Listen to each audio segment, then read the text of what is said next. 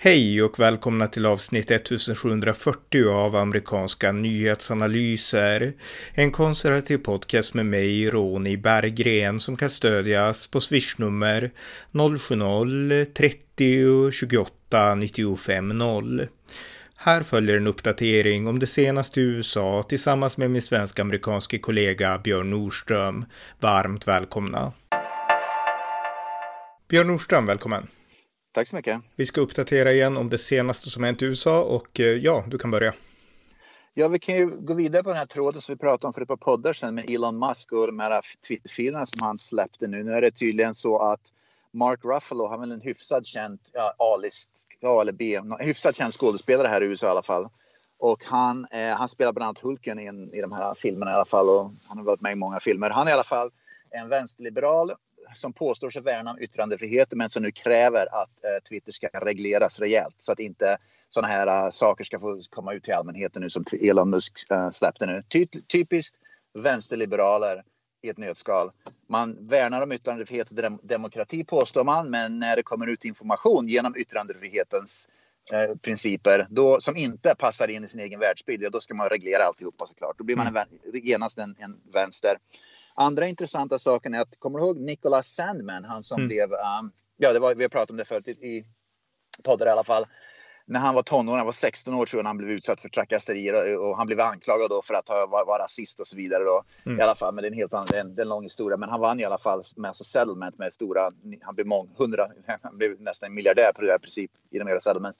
Han i alla fall nu har bett Elon Musk att släppa Twitter-filer där han han blev mordhotad. Som 16-åring blev han mordhotad väldigt mycket då under den, när det där eh, pågick då. Han har i alla fall bett Elon Musk nu att släppa filerna. De bakomliggande filerna när samma person, Vijaya, vet om Gadi eller vad hon heter, och de där executives på den när det begav sig då, de som fick sparken av Musk, att, att han ska släppa de bakomliggande äh, kommunikationen om varför Twitter tillät att att, att mordhot fick, fick, uh, vad ska man säga, fick publiceras via Twitter utan att tas bort. Mot, det, en, det, mot en minderårig dessutom. Precis, mot en minderårig dessutom. Och det, han vill att det ska släppas. Det var naturligtvis rent politiskt. Om det hade varit mordhot mot till exempel en minderårig vänsterliberal då, som, som var någon, någon känd person, då, då hade de naturligtvis tagit bort det direkt. Så att, uh, det, det, jag tror så här, det kommer att komma ut väldigt, väldigt mycket mer information under de närmsta dagarna, veckorna, månaderna nu Eh, som kommer att, att, visa väldigt, väldigt mycket om vad Twitter egentligen innebar och yttrande, kring yttrandefrihet och allt sånt där. Så det ska bli mycket intressant vad som kommer att släppas i alla möjliga diverse ämnen nu framöver. Jag är övertygad om att det kommer att bli mycket. Ja, verkligen. Det kommer att bli jättespännande. Något annat? Ja, vi pratar ju allt, ofta om det här med att eh, våldet i bland annat New York då Uh, liksom gatuvåldet har ju ökat väldigt mycket de senaste två, tre, fyra åren där och bara, bara för att ge ett exempel. Det var en person på gatan som drog upp ett baseballträ och dunkade, liksom dunkade skiten ur en person. På bara, en helt främmande person bara på gatan med ett baseballträ. För, igår.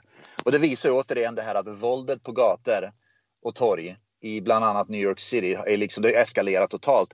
Och jag menar våldet i New York har alltid funnits och framför, sen kom ju Rudy Giuliani och då stävdes ju våldet då. Men de tre, fyra senaste åren uh, har våldet ökat dramatiskt och jag har liksom, man, har, man har verkligen märkt det nu i media och, och även då liksom där man hör människor prata om att i New York, liksom våldet, sannolikheten man råkar ut för våld själv, man blir offer för våld i New York är, är väldigt, väldigt hög nu, speciellt om man går i tunnelbanan. Mm. Eh, en sak jag, jag tänkte slänga in här, det är alltså en som har reagerat på Elon Musks viktiga avslöjande, det är såklart Donald Trump. Han har skrivit på sin sajt Truth Social och han har skrivit då att det här visar ju att det var ett fusk alltihopa, hela valet var riggat och antingen gör man om valet eller så liksom, man måste köra överallt, alla regleringar och konstitutionen och sådär, därför att det här är liksom, man kan inte liksom sätta en godkännande stämpel på ett falskt och fejkat val, eh, säger Trump. Så att han övertolkar det här som Musk har släppt, jag menar det är inget snack om att, att Twitter liksom var emot Trump, att media var emot Trump, det vet vi redan liksom. Men Trump spinner det här återigen till att det här visar att allt var undergrävt liksom. Så att jag tror att Trump, han fortsätter verkligen att skjuta sig själv i foten med, med det han gör nu. Det som jag tror kommer att skadas mest, det är ju Republikanernas chanser att vinna presidentvalet 2024 om det fortsätter det här. Jag menar, alla vet ju om nu. Och om Trump skulle hålla truten, folk får ju reda på det här i vilket fall och få dra sina egna slutsatser. Men om Trump börjar liksom köra det här i spotlight, han kommer att hoppa in och bli en huvudkandidat nu och så tutar han och kör på det här och ältar om det här hela, hela, hela tiden. jag tror att folk kommer att bli trötta på det, även om de vet att okej, okay, det var det här som skedde. Men jag är så trött på att bara höra Trump älta om det. Mm. Jag tror att det bästa, det bästa som kan ske är att han liksom gör sin poäng och sen har han truten om det. Och sen tror jag att människor kommer att, att förhoppningsvis göra ett bättre val i 2024 än de gjorde 2020. Men jag är rädd för att precis som det skedde nu senaste valet eh, för några veckor sedan, att Trumps personlighet kommer att blanda sig i för mycket och han kommer att förstöra mer än han hjälper. Mm. Eh, ja, eh, något annat? Ja, det var en känd uh, liberal uh, uh, på, hon heter Tiffany Cross som jobbar för MSNBC. Eh, det är en tv-kanal, en vänsterliberal tv-kanal, en hyfsat känd tv-personlighet för MSNBC. Hon fick i alla fall sparken nyligen. Och hon blev varnad väldigt ett antal gånger av cheferna, executives då för MSNBC för att hon var väldigt, vad ska man säga, divisive, väldigt polariserande. Hon, allt för, hon, hon var liksom, hon, hon, hade en väldigt hetsk och hatisk, eh, vad ska man säga, stämning där hon var framförallt mot Trump och republikaner generellt då att hon liksom hennes språkbruk var väldigt, väldigt olämpligt. Och hon var är svart då. Men i alla fall, det var en kolumnist nu på Washington Post som påstår att ja, hon blev sparkad av eh, MSNBC enbart för att hon är rasist eh, förlåt, enbart för att hon är svart. Och det är rasism som ligger bakom det här och det visar nu att vi åter tillbaka, vi är tillbaka till, till vad ska man säga, plantagetiden ungefär när man behandlar svarta på det här viset. Va? Men det som jag tror håller på att ske nu tyvärr i USA lite grann att när en svart sparkas och sen på grund av ja, deras egna beteenden, va? Eh, olämpliga beteenden i media till exempel. Va? Att om enbart man bara kastar ut det rasism, det rasism, det rasism. Va?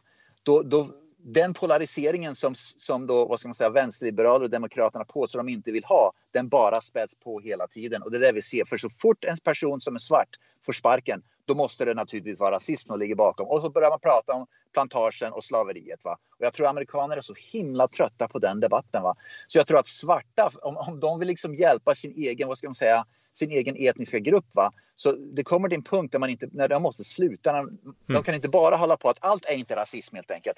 Beter man sig olämpligt gång på gång på gång och får varningar gång på gång på gång av sina chefer, då är det beteendet som är fel, inte hudfärgen. Och det måste man kunna erkänna till sist att beteendet och inte hudfärgen spelar roll. Mm. Vi, vi, det håller på att svänga likadant i Sverige i fråga om islam, alltså där alla de här äh, muslimerna, islamisterna, de använder och spelar ut liksom islamofobikortet ja, och menar att precis. all kritik mot dem, det beror på islamofobi. Nej, det beror på att ni är idioter, ni gör idiotiska saker, många av er, liksom och tror på konstiga ja. grejer som vi inte tror i Sverige. Så att det beror på, det beror liksom inte på specifikt att, att Sverige är islamofobiskt, utan att ni tror på saker som ni vet skär sig med liksom svenska värderingar.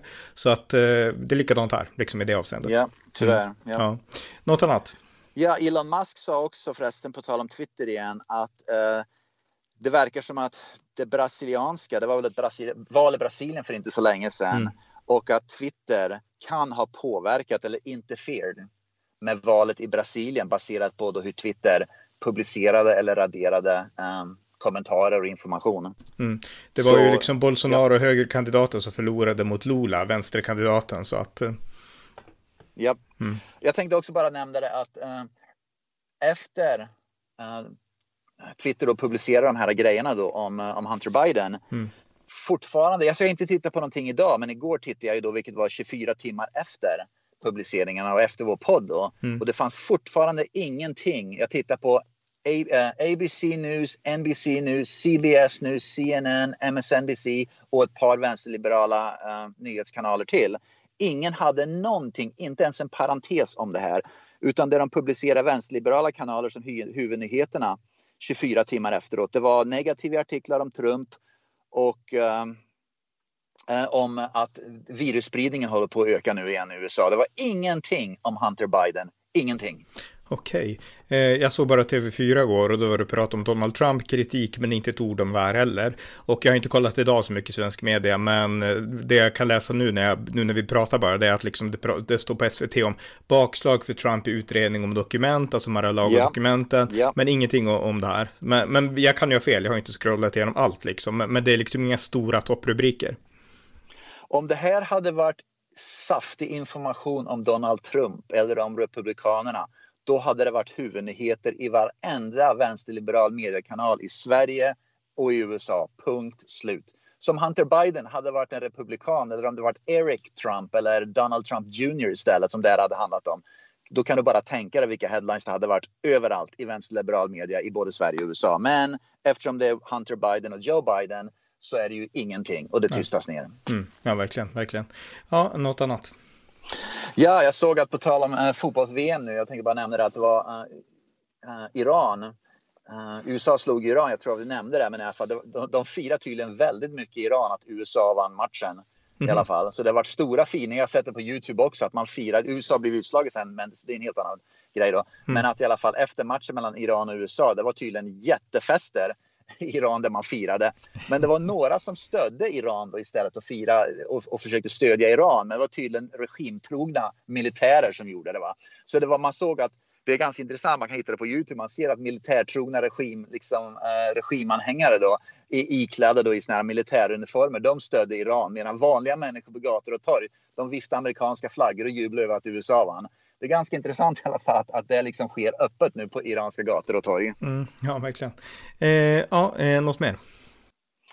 Uh, nej, jag tror, jag tror det var allt vi hade idag. Hörde du. Ja, jag har inte så mycket heller, utan vi, vi får yeah. återkomma om någon dag igen. Men okej, okay, yes, tack så mycket. Ja, ha det. Tack för att ni har lyssnat på amerikanska nyhetsanalyser.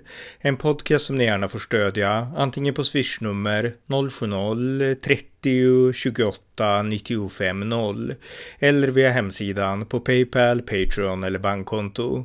Skänk också gärna slant till valfri Ukraina-hjälp i kampen mot den ryska imperialismen. Allt gott tills nästa gång.